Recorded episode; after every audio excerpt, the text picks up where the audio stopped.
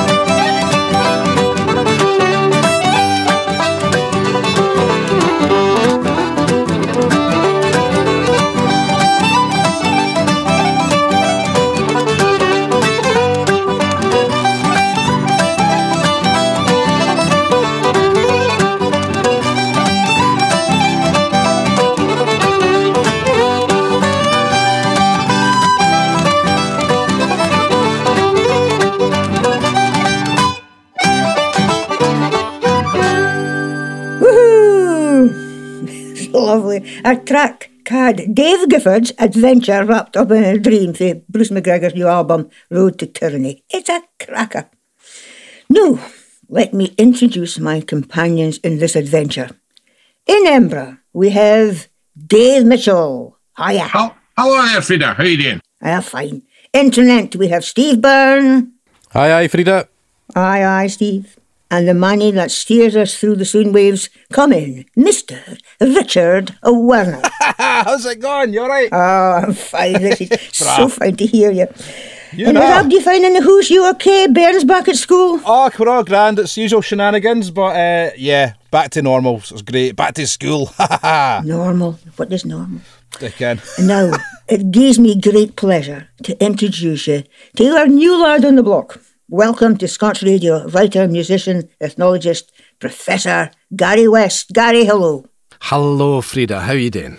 I'm hope I hope Richie's looking after you. down in that Yeah, studio. I'm, I'm. For a change, I'm not in a wee box on a screen. Isn't that I'm- lovely? I'm, in a wee box in Richie's studio instead. and here then in getting bacon, but, bacon butties. Well, I believe the tea and scones are arriving presently. I've been, I've been uh, reliably informed. I can't smell them, I have to say. But Aye, oh yes, those were them were the days. He's a minute. And as I, anyway, as I said earlier, this is the year of stories, as decreed by them that kens things. So, since we are, in our own wise, storytellers as well, we will embrace the theme with both hands, or ten hands to be right. We like stories. Gary, Steve, you both have a rich background in Athen traditional and Celtic mythology. Gary first, think you're going to focus on this episode. Here's a snippet. A wee snippet, okay. I'm telling you a wee story about a miller and his daughter. I'm reading about this, by the way. All, all shall be revealed soon. He had one of the nicest daughters could be seen in the country, and everybody had a fancy of her. And the king, the young king, was living no far from her, and he had a notion of her. And he didn't ken what way for to gain this girl. And he went down the mill one day, and he said, I'm going to give you three questions, he says, Miller. And you ken, he says, the king's words never broke, and if you didn't answer me the three questions, he says, your head I'll go on my gate. to be resumed. Dun, He dun, leaves dun. us, he leaves us on the precipice. Cliffhanger. Okay. Okay, Steve, fix, fix your focus this time. I'm going to mention a handful of my favourite bookies uh, today with Folktales for Scotland, including a brand spanking new book that comes to my own him, Perto Angus, and I'll be telling you all about a thing called the Strunty Pokes. I love that, the Stranty pokes. I love it, I love it, I love it. Right, now, thank you, Beth. We'll look forward to that. But we start this episode with a lecht. And he has spent most of his working life as a gardener, latterly one of the curators at the Botanics in Edinburgh. Dave Mitchell, the lecht o' our lives, is the best person we can to tell us who lecht affects our lives. Dave, shine a light on us. You said that the other the other day, licht is the engine of life. What did you mean by that? Well, you can feel it. Licht's an amazing thing. It's a wondrous process that's responsible for fuel and photosynthesis that takes place inside the leaf. Just consider that and you realise how important the power of licht is and the impact it has in our daily life. Because without licht, we couldn't breathe and we ain't not eat. hmm Right, plants, leaves, photosynthesis. Can you explain simply, simply for us, please, our sake, simply just who that works? You're not you're not asking much. It's complicated that you can. I mean, plants basically have an ability to mark chemical energy for sunlight, and that process takes place deep inside specialist cells in the middle of the leaf. But they're kind of near the upper surface of the leaf where they get the most of the sunshine. And these cells have wee microscopic structures inside them called chloroplasts. Ooh. And these chloroplasts contain a substance called chlorophyll that mark the sugars. And then they distribute these sugars all around the plant with conducting tissue so that the plant can respire and grow. But here's an amazing fact these cells are thought to have arisen 3,500 million years ago when relatives of what we call cyanobacteria today first began to get oxygen by splitting water molecules, H2O. Okay, can I just check that Abby's following this? You ain't following us? I'm straight Pay back to high attention school this. biology. Oh, This is this is highly educational. Keep This going, is great. This is great. I'm lost. I'm lost already. Loving it. I just like I just like Bonnie Flowers. Okay, photosynthesis. I interrupted. Sorry, Mr. Mitchell. Well, uh, you're all right because it is complicated, and it's funny it is back to school biology, and we all forget it. It's going on today. We have a beautiful blue sky sunshine day in Edinburgh, mm-hmm. and again, the lawns and all the plants that have got green le- leaves, they'll all be going, oh, magic, and they'll be marking sugar and getting ready to grow. You know, but they also need water and nutrients and minerals to do that. And you know, when they're doing this, what they also do, all that oxygen that they produce as part of the process, it strengthens the ozone layer mm-hmm. and it helps to cut down dangerous UV light. Plants are basically the lungs of the planet. You know, without them, we'd be dead. They also have, and this will interest one or two of you, I'm sure, they're able to transform those sugars into starch and then convert them back into sugar when they need to. That's and clever. that starch is stored, for example, in organs like potatoes. That is. So, so you could say that your chips are made for sunlight. What comes to mind is Patrick Geddes' phrase, uh, by leaves we live. It's just highly applicable to this, isn't it? He's, Ah. he of he was speaking about there. He he grasped that, and when you read that phrase in its whole context, it really is deeply, deeply meaningful.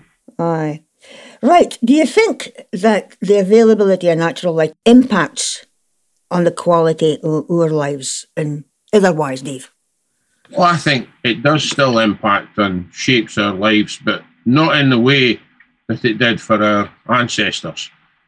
You know, that's something that changed slowly at first. You know, but for hundreds, thousands of years, we lived with natural daylight, and then we had candles, and then we had the advent of the paraffin lamp, and then you know, within the last hundred years, electric light. Just stop for a minute and imagine life with natural light only. A rush or a beeswax panel, that paraffin lamp. Think how different our lives would be. It makes you realise the value of that phrase, by the light of the moon. Folk that live on the land or walkers or mountaineers will understand what I mean for that. Mm. But you can, our ancestors, their, da- the rhythm of their daily life throughout the year, their ability to work, to relax, was driven by that natural light alone. When they got up, when they went to bed, mm-hmm. it determined the length of their working day. When they slept, you know, biding Oh. away up where we do in the north, you know, our day length's different throughout the year. Well, this is why I started off the programme out in my park, far, far as it said it was the, the Pictish settlement, because that's exactly the same spot for the sun hits every morning. And folk are going to say, How do you get it was Pictish? I can hear them saying, I don't know, ken. It's, I'm just just says it's a Pictish settlement. It could be Neolithic. Food we weekend. It's something that you you notice biding at him during the lockdowns though the the licht and everything. It's just something that I've noticed an awful lot more. Mostly because I'm itching to get back into my garden, to be honest. But I, I also think light's really important for people like yourself, Steve. You know, culturally, it's really meaningful. We think about how it alters and has inspired the written word, music, song, dance. You know, natural light is the crucible of life. And, you know, th- that's why, you know, you mentioned during lockdown you noticed it more. That's because lockdown slowed our lives down. And I don't think that was a bad thing in some ways. It made it, it sharpened our connection with nature. Agreed. Abdi agreed? Abdi happy with that? Absolutely. Sharpened her? Yep. Mr. Mitchell, you are a font. You are a treasure. This is another treasure. This is a piper Anne Gray from Nova Scotia. This is specially for the renowned piper in our company, Gary West. This is Anne on small pipes with a Gordon MacLeod set.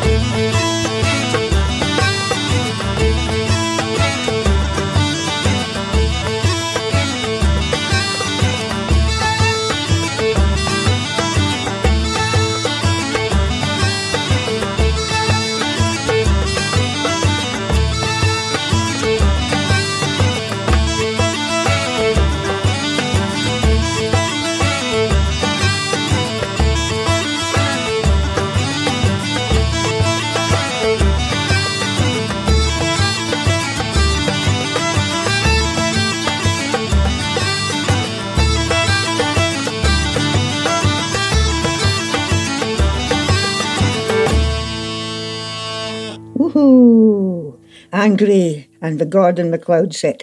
Now, during that, that music, we were all discussing the, the, the differences between small pipes and the border pipes. Steve and I are trying to learn the small pipes. And it's, it's, it's really difficult. But of course, Gary is internationally renowned for his playing the small pipes and the, the Highland pipes as well. And the conversation went round to the difference between small pipes and border pipes. Right, on your own, Gary, what are, what's the difference? Okay, so border pipes, uh, without getting too technical about it, are an octave higher than small pipes. So uh, they sound a bit more like Highland pipes, that kind of sound.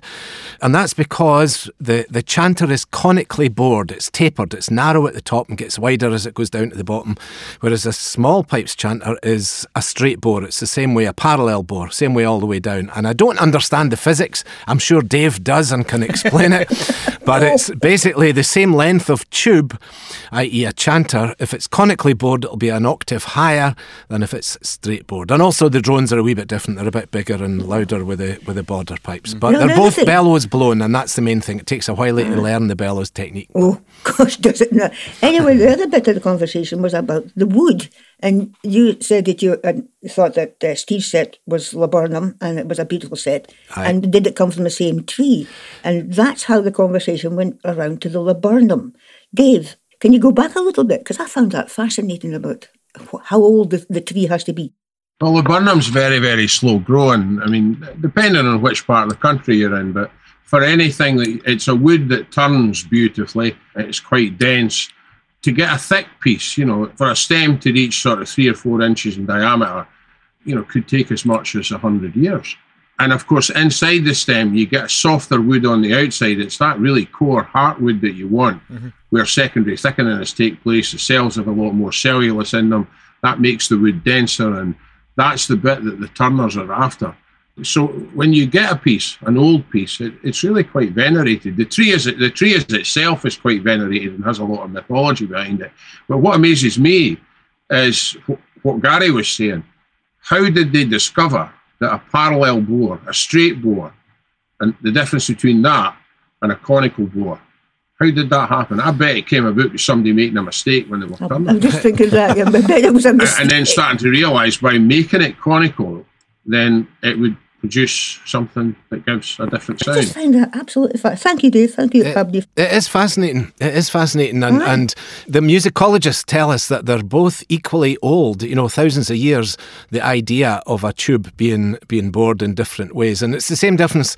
So a saxophone is conical and it gives that kind of, you know, high pitched, quite loud, shrill sound, whereas, uh, you know, other instruments are are in the same orchestra or maybe a, a straight bore and and and uh, clarinet, for example, is a straight bore. So, aye, it is, it is fascinating. And this this bit about the same tree, I should maybe explain that. So, Hamish and Fin Right. Moore, pipe makers. I know Hamish had a bit of Perthshire laburnum that he was. Uh, he was uh, cooking over a long time, waiting for it to get to, to do whatever it does to mature. And he made me a set of border pipes out of that bit of laburnum a couple of years ago. And I'm just wondering whether Steve's small pipes came from the same tree, which would be Wow. awfully nice to be united Aye. by the same tree, Steve. That would be awfully nice, wouldn't it? It's, it's perfectly possible because I had to wait about two or three years to get them made. So it's every chance Aye. when I said to Fin, you know, have you got any Scottish woods? And he said laburnum, it might well be the same. A question for both of you from the point of view of the wood that a set of pipes are made out of. If it's if a set of pipes is made out of yew or made out of um, ebony or whatever, does it sound different?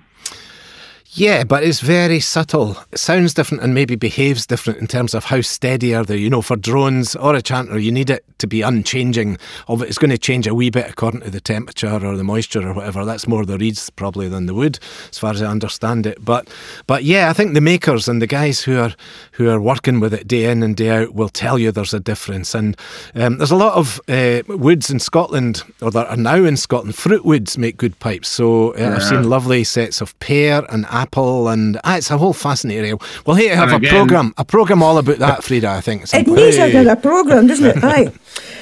Okay. Now then, as I said earlier, this is the year of stories. And as the year goes on, we'll invite some of our magical Scottish storytellers to join us on this programme. But this time we thought we would mention some of our favourite stories and storytellers. Steve, with your ethnology hat on, for them that's maybe just wanting to ken more, which storybooks would you recommend? Well, the first thing I would point out till is uh, called the Folk Tales of Scotland, which is a uh, it's a new uh, title to essentially a collection called The Well at the World's End, and that's put together by Norah and William Montgomerie, and they were based out of Dundee, and they put together a collection back in the 1950s, and it is folk tales essentially for our Scotland, and Ilka Tale has a the name of the place that it comes for. A hint, uh, the titles of them, and there's uh, chings. I'm trying to count them all here, but there's about 40, 50 stories in there. The Well at the World's End, Whippety Stourie, Rashie Coat, uh, the kind of things that you probably have heard the titles of, but maybe mm-hmm. didn't ken the story.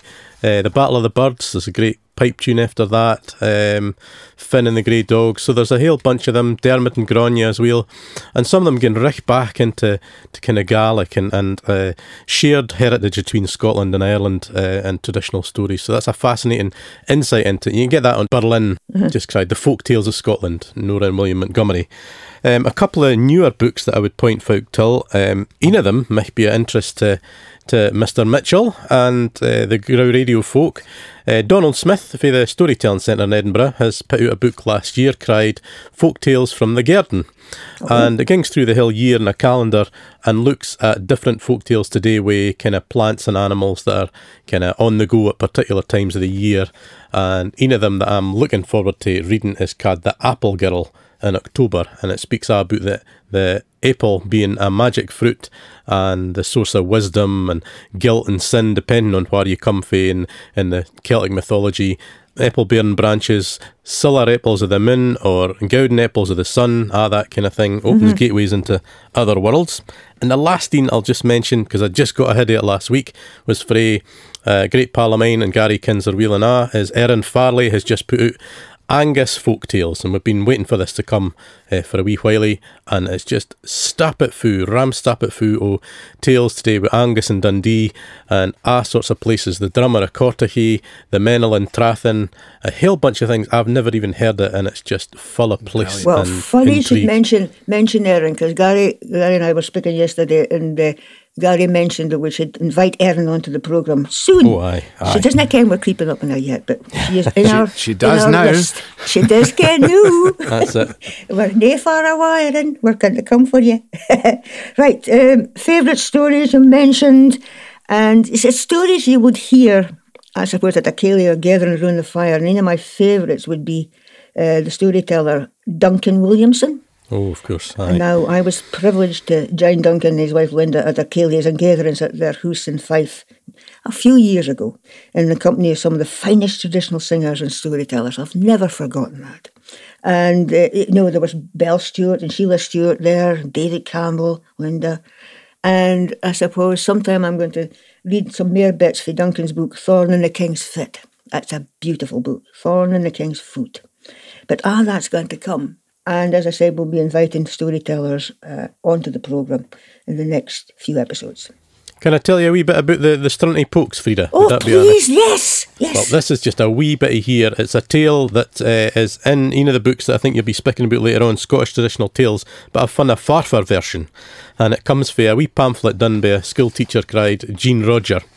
And the the gist of the story, I'll not read the whole thing. It's it's half a short on road, but it's today we uh, this master that comes into a bit of money and he gets a manservant and he insists on a thing being cried uh, by a, a long falutin daft name instead of just being called the the normal name that they would be cried. So at the end, the manservant has to run upstairs and says, Arise, master above our masters, put on thy strutty pokes, waken Madam for the Dame and Sir John the Greater, for old Killicraffus, I think that's the cat, has gone to the top of Montego, and if you dinna apply to the well of Strathfountain, the whole castle of Kilmundy will be burnt in twa minutes.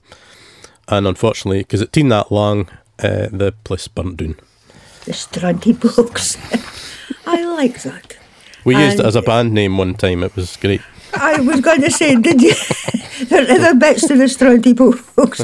But uh, speaking about Erin, and who was it that uh, brought up the Strunty Pokes in your own garden as well? Oh, that's right. Uh, well, my pal Scott Gardner was Erin's uh, partner, had uh, realised that you know he'd mind it that we we would tried this this band, the Strunty Pokes. Gosh, 15, 20 years ago, we are going out mm-hmm. doing sessions as a, as a group, and uh, we had to get some seed tatties ordered to my house. There's a place just near me at Pencaitland, uh, Samuelston Ferrum, uh, where they do some of the best uh, seed tatties in Scotland at Denham uh, Tatty Growers. And he got a box of seed tatties sent to the Strunty Pokes Growers Cooperative at my house. So Have you registered that at Companies House? almost. Uh, that is a cracking name. I, I would register it, definitely, Gary. Yep. Lovely name. Right. this is a new album produced by Fred Freeman, a second tribute album to soldier, poet, songwriter, folklorist, collector, and lecturer at the School of Scottish Studies, Hamish Henderson. This is a song composed by Hamish, set to Fred's version of the Gallant 42 tune, for Hamish's experience in the Second World War. A song called The Ballad of the Banffies, in praise of the soldiers for Banffshire, sung by Cameron Nixon. He can talk about your Moray loon, say handsome and say broad. The Royal Scottish Fusiliers a scruffy lot and all. The Cameronians frae the south, they share a mighty fight. But in the battle o' Anzio, 'twas the Banffies held the line. Where'er ye be by land or sea, or Harplen the road, if ye can meet a Banff, you'll find he share can bum his load.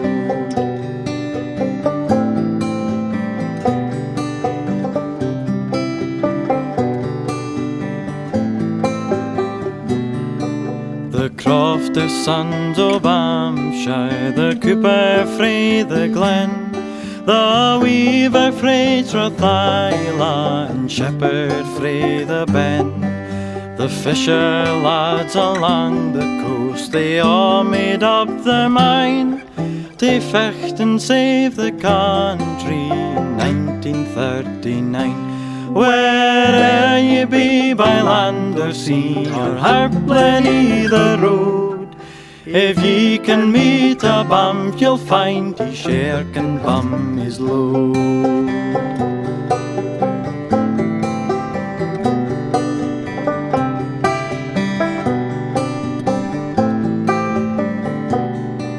Then Alex said her troops mun lan a few miles south of Rome. The Banffies are my strongest point, they share can send it home. They landed up at Anzio in January 44 and haven't a captured Rome yet, but they're knocking at the door. Where'er ye be by land or sea, or Harplen either road, if ye can meet a Banff, you'll find he can bum his load.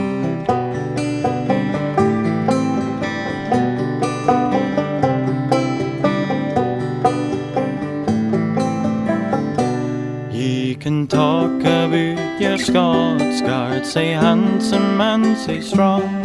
But unlike our wee Banffies, they canna hard for long.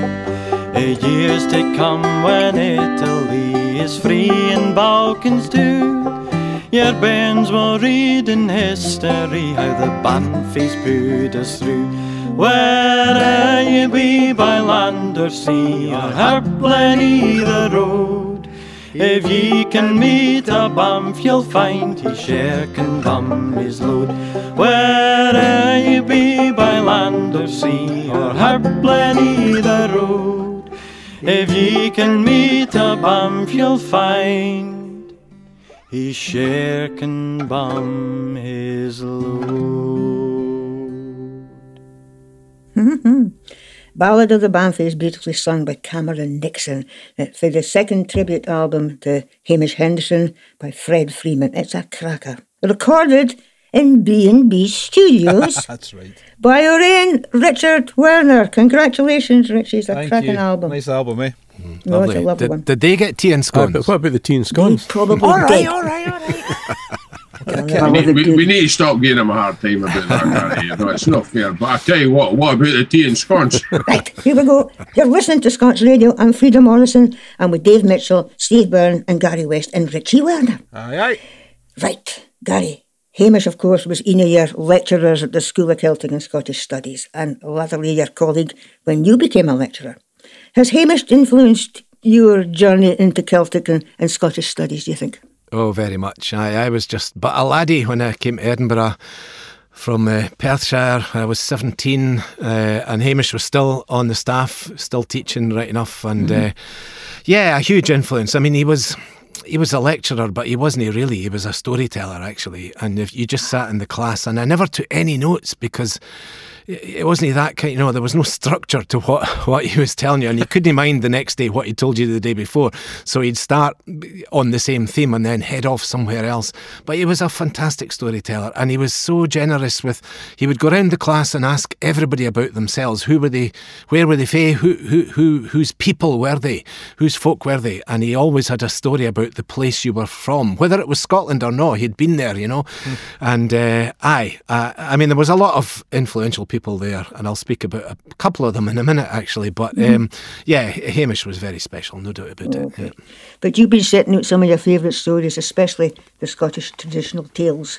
Tell us more. Yeah, they all come from the School of Scottish Studies. So, as people I'm sure are aware, and I've spoken about before on the programme, uh, the School of Scottish Studies started in the early 50s where folk went out all over Scotland with tape recorders collecting the culture of the people, really, in, in the widest sense. And a lot of that included stories, and the archives are full of them. If you want to hear any of them, you can go into the Kist o Riches website, and Steve's been partly responsible for that, doing a lot of the cataloguing and so on over the years. And, and uh, you can hear these stories. But um, there's also a book uh, that was put together by two other great characters for the school, Alan Bruford and Donald Archie MacDonald. Alan did a huge, huge amount of collecting all over the mainland of Scotland and up into Orkney and Shetland in particular. Donald Archie MacDonald was more a, a Gaelic man. He was in the islands and the, the west part of the, the western seaboard of Scotland. And, and between them, they collected a huge wheen of stories and they put them into this book quite a few years ago now. It's had a couple of editions. I've got it right here. Scottish traditional tales, and the thing about it is that they're they're basically just transcriptions of the way they were orally delivered. So they haven't been kind of edited. They haven't been polished. I mean, you'll never get the total character on the page in the way that you can if you're listening to them. But but this comes as close as it possibly can because they they've kept in the wee asides and the wee mm-hmm. the wee uh, you know the, the the wee inflections and so on.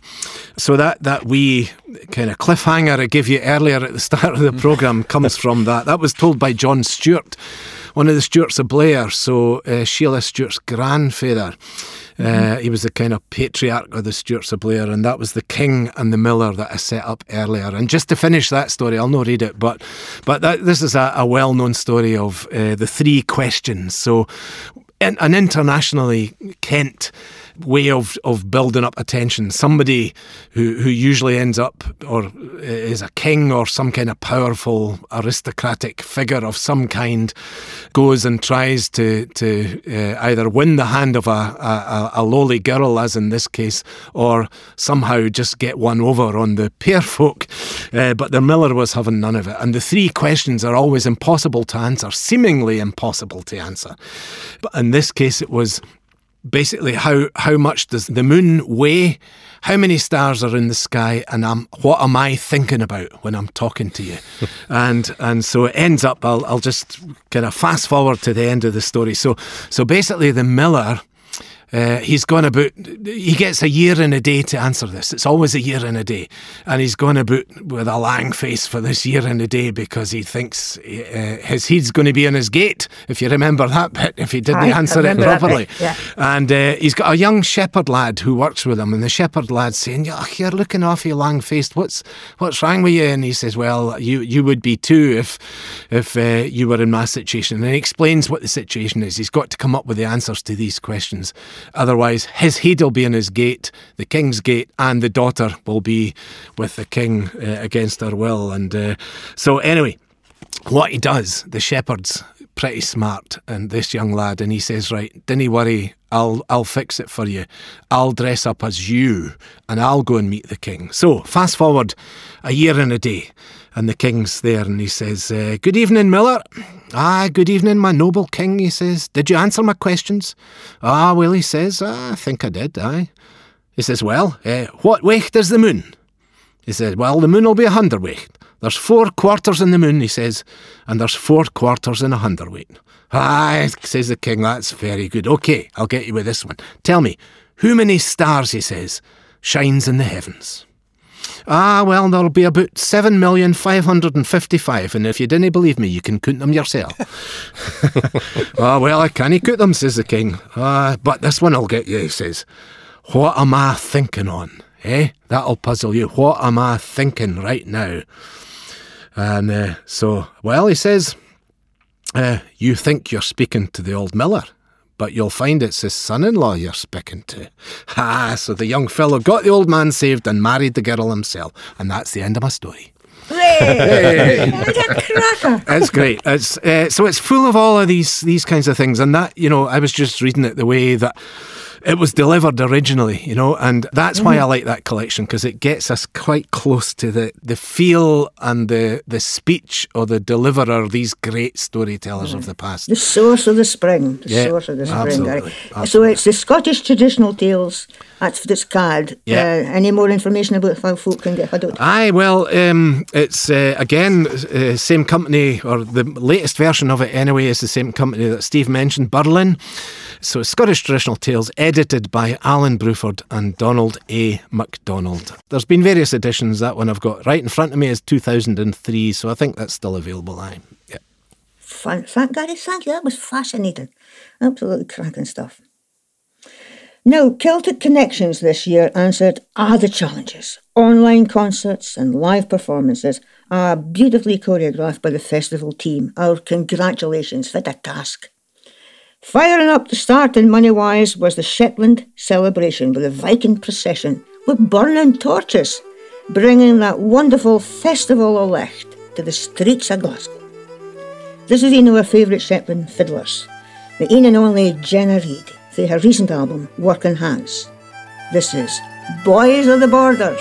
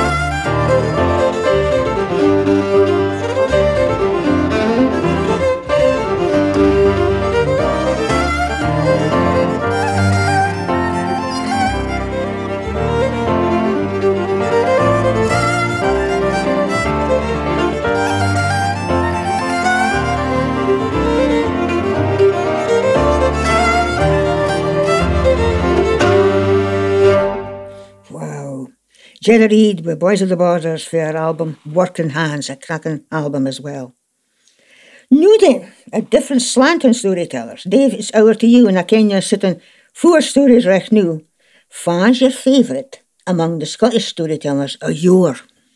Well, when you asked me that the other day, I said to you that's no fair because there's been that many folks screaming and producing different things. Ken, my first introduction to writing in Scots, strangely enough, was J.J. Bell and Wee McGregor. And then kind of like J.M. Barrie, Walter Scott, Conan Doyle, the list goes on and on. S.R. Crockett, Neil Gunn, Gavin Maxwell, Nan Shepherd, Ian Niall, oh, keep going on. And when he asked me that, I thought, wait a minute, I've just got to go on with my heart. And it's got to be the author that's been with me the longest. He's been at my side all my life. I was a bairn. And that's Robert Louis Stevenson. Mm-hmm. He's not writing Scotch, but he's got a special way with words. That's strong and bold and direct, observant, embracing and kind. Okay. Okay, did, but who did you first come across Stevenson's works? What's your earliest memory? Oh, Frieda. I mean, well, when I was young, I mean, I had a real bad dose of the measles when I was a bairn. and I was grounded, and I didn't talk to being grounded easy.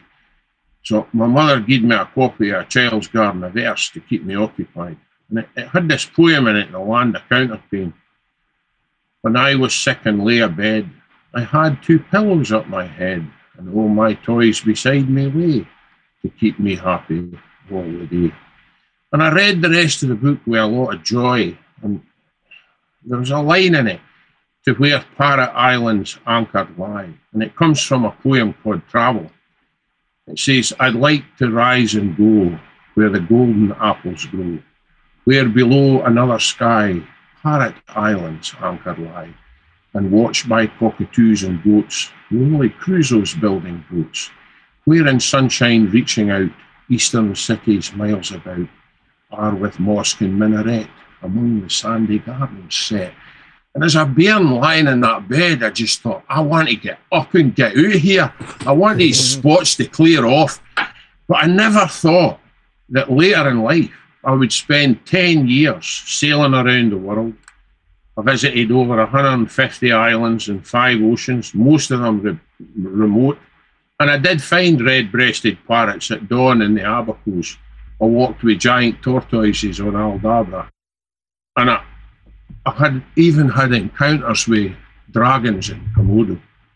And that Stevenson was with me all throughout that journey. He was, you know, and I think you need, as a bairn, you need to have a belief that things can be better and that you can have adventures. And I think our bairns now need that more than ever after they've been cooped up for a couple of years. But what is it in his writing that, that appeals to you the most, Dave? I think the sheer diversity of subject matter. I mean, novels such as Treasure Island that you read as a bairn. Mm-hmm. But if you go back and read it as an adult, it makes you feel like a boy again. Mm-hmm. It still sends shivers down your spine. Or the adventures he can have with David Balfour and Kidnapped and Catriona. Yep set in the Jacobite Rebellion or the Master of Ballantrae, or actually the duality and the pain and the tragedy of the strange case of Dr. Jekyll and Mr. Hyde. All of these things came from Stevenson's pen. And his travel writing, he was groundbreaking with his travel writing. Travels with a Donkey, written in his 20s when he went to Southern Europe. In the South Seas, in his collection of short stories called New Arabian Nights. I mean, his characters, they're real. They occupy worlds that you can walk into. His writing respects history and humanity of the individual. It often has a frailty that I think reflects his own personal challenges in life and his ability, like some other Scottish authors. I mean, Violet Jacob, I spoke about before, mm-hmm. he had that ability to move between different worlds. He was also based and grounded in science and engineering, he's being connected to the Stevenson Lighthouse family. But he was a lawyer. He had, a, he had an understanding of the law, Scotland's history. But he, most of all, he had a quest for adventure, a desire to understand other cultures around the world, despite his health. You know, there, there's one line that I took for Catriona from the tale of Tod Lapraik. And he, he just goes from writing in the most fluid and beautiful English to writing in Scots about this character in the tale of Tod Lapraik. And he says, My father, Tam Dale, aye, peace days banes. He was a wild, sporling lad in his young days, with lick wisdom and little grace. He was fond of a lass and fond of a glass. Aye, and he was fond of the randan. but I could never hear tell that he wasn't much use for employment. I thought, when I read that, I thought, here's this man from this very genteel background, and yet he's able to just flow to writing like that so easily and Yeah. so so beautifully. You know, I mean, I love that phrase. He was fond of the randan. I bet we're on needing a bit of the randan now. We know. need a bit of the rundown. Was it? Okay, do you have a favourite Stevenson memory though? Well, yes, Or an encounter? it, it, it, it's quite a personal one. I was very fortunate in that I went to Samoa and I spent uh more than a day in around his home in Vailima, and, and I did walk to his tomb on the summit of Mount Vaea, up through the, the rainforest in, in the heat. When you get to his tomb, it's actually inscribed with the words that he asked to be put on it. Under the wide and starry sky, dig the grave and let me lie. Glad did I live and gladly die, and laid me down with a will. This be the verse you grave for me. Here he lies where he longed to be. Home is the sailor, home from the sea, and the hunter, home from the hill. And it, it's such beauty. And to be there from Edinburgh, and I used to walk past the house that he grew up in as a boy um, when I went to work every morning. To have come from that and then gone to Samoa and be there. Tusitala has a lot to answer for in my life. But uh-huh. I'm very lucky to have been inspired by him. And as a storyteller, I think he still touches the lives of countless individuals today. And I'm sure all of us, e- even in this program, mm-hmm. have all Yes, got a yes. memory of Stevenson in some way. And He Tusita- the word Tusitala, the name Tusitala, Dave, just remind us. Tusitala was the name that he was given by the people of Samoa, who were very, very fond of him and embraced him and his family in an amazing way. And Tusitala means the teller of tales. Ah, brilliant. Brilliant, Dave. Brilliant. You guided us through that very, very special time in your life as well. Really appreciate that. You're very welcome. I think when you have experiences like that in life, Frieda, you have a responsibility to share them. So thank you for the chance. Thank you. Thank you, thank you, thank you. As I said in the beginning, our theme this episode is Light, Lore and Love. Now, this is a beautiful song from Hannah Rarity with the band Rura from the new album Our Voices Echo. Just sit back and listen to this, a track called Take This Heart of Gold. Take this heart of gold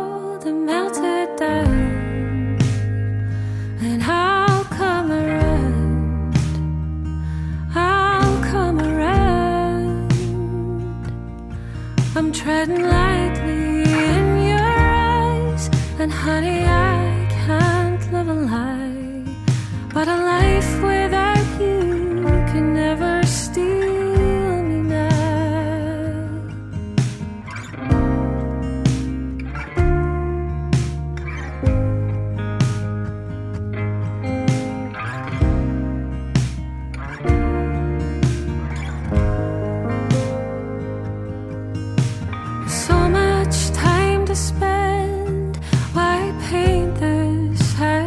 again? When the floorboards creak and pull you from your slumber,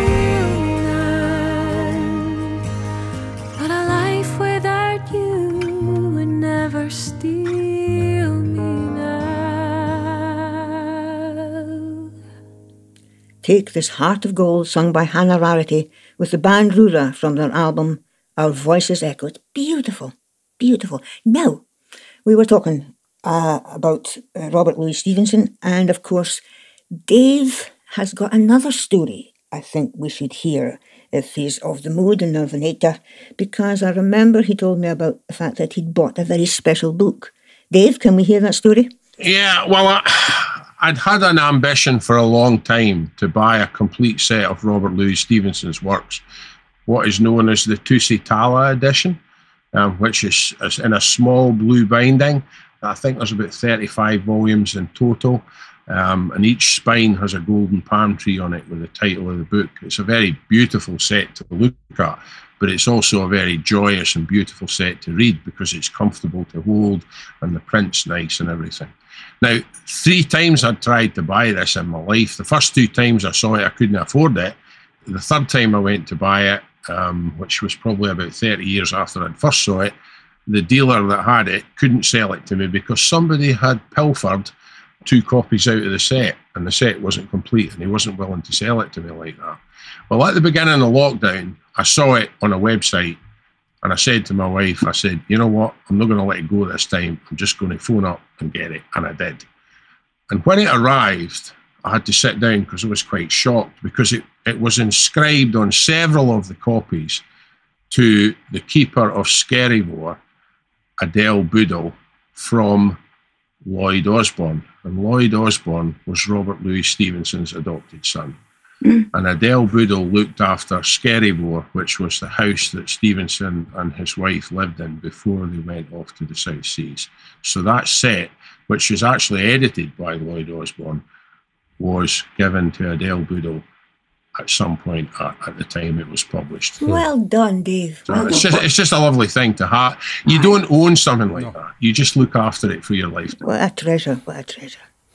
So many stories. This is the year of stories, boy. Can we can we tell stories? We've got stories to tell. And Gary, over to you to wind up our storytelling session. Who would who would you like to feature as near the top of the list of your literary storytellers? Well, like Dave, I had to think long and hard about this because there's so many, you know, so many great storytellers from our literary tradition, and, and Dave rattled off quite a few of them, and a lot of them were the same for me. But I, I've gone for someone in many ways. I'm I'm only just discovering, or at least only just discovering her novels, and that's Nan Shepherd. And Dave Dave did mention her as well in his potential list. Uh, and I'd read some of her stuff before and her poetry actually, and her The Living Mountain, which was all about her her wanderings in, in the Cairngorms. And uh, I, I knew she was a beautiful writer, but I'd never got round to reading her novels. And there were three three main novels.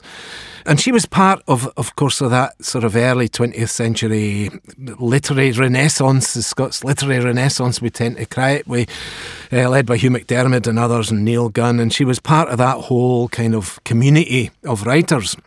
And after her first novel, The Quarry Wood, which I think was late 20s, 28 or thereabouts, and then another two that followed on from that, The Weather House and A Pass in the Grampians, she was prolific for these few years in the sort of late 20s, early 30s. And uh, places like the Times Literary Supplement were, were lauding her as one of the great new voices from Scotland, as indeed she was.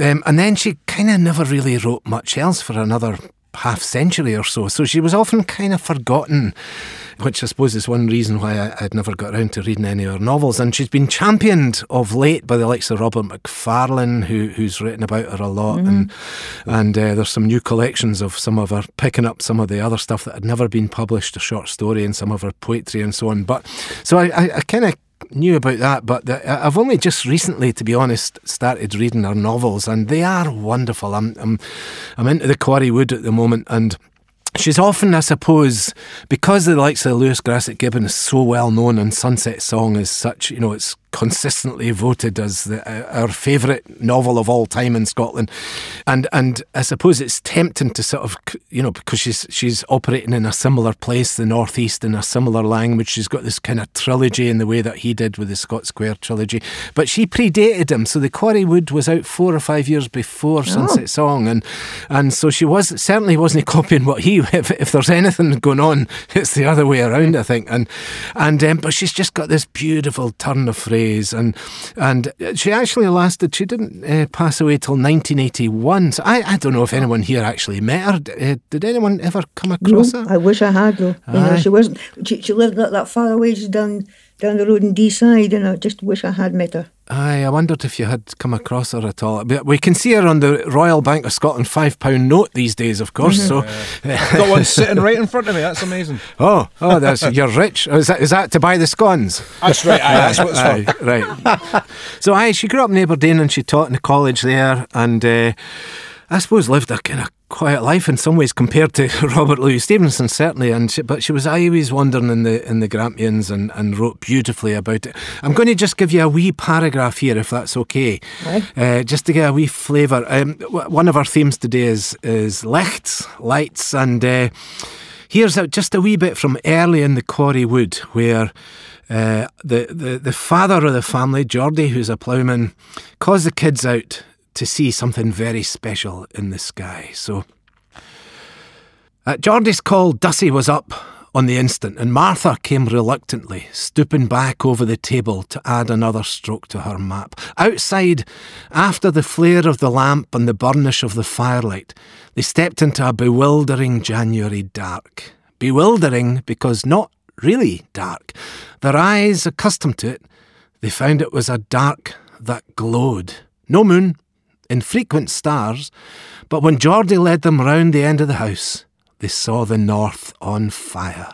Tongues of flame ran up the sky, flickered, fell back in the unstable pools of flames that gathered on the horizon, rose to crests again, and broke into flying jets. The vast north was sheeted in light. Low down and black, twisted fur- furs, gnarled, shrunken, edged the enormous heaven. The merry dancers were out, and it was Dussie who put the eager question Geordie could not answer. Weel, I dinna richtly ken fit they micht be. They ca' them the northern lichts, fireflochts. Then an ancient memory stirring, a rare occurrence with Geordie, a mind when I was a laddie, says, there was a bit screed I used to ken. It was something like geography. Matty, gin, gin I could get a hod o it. Eh, a, a rory, a, a, a rory, a, a rory bory. Sign there was a lassie's name on tilt. Fit if, fit if you call yon reeded, heeded creature o Sandy Burnet's. Alice, said Matty. Aye, that's the very dunt. A rory, bory, Alice. I Gary, love that was that was just absolutely cracking stuff. Thank you so much for that. I was just right in there and really well read and, and story told. Thank you, thank you, everybody. Now, near that long ago, we heard from Steve about a new app that helped folk learn different languages, including Scots and Gaelic. It was developed by Heriot Watt University, and Steve, you were on that team. Give an update and a wee recap first. Well, in 2019, it was the International Year of Indigenous Languages, or Hemalt Leeds as we cry them in Scots. And it was thought that there was a, a Wheena Leeds uh, in Europe that was uh, under threat, and that the idea might be to put together, as we've seen in other Erts and Perts, put together a, an app, a mobile app for folk to, to learn some of these leads. Um, so there's a puckle uh, European funding with Heriot Watt University and a, a range of partners across Europe um, that's looking at uh, Sax leads are together, and it's Scots, Gaelic, uh, Sami for the, the north part of Scandinavia, uh, Cornish, uh, Galician, and Biscayan or Basque in English. Uh, so they Sax leads we've been uh, are working in our various arts and parts of Europe, putting together four thousand terms of vocabulary and all sorts of phrases and ways of doing for folk to load it, do not on their phones and here again at trying to learn uh, you know the leads. Uh, so we had the Scottish launch recently, and that was a, a great success with a Weena folk there.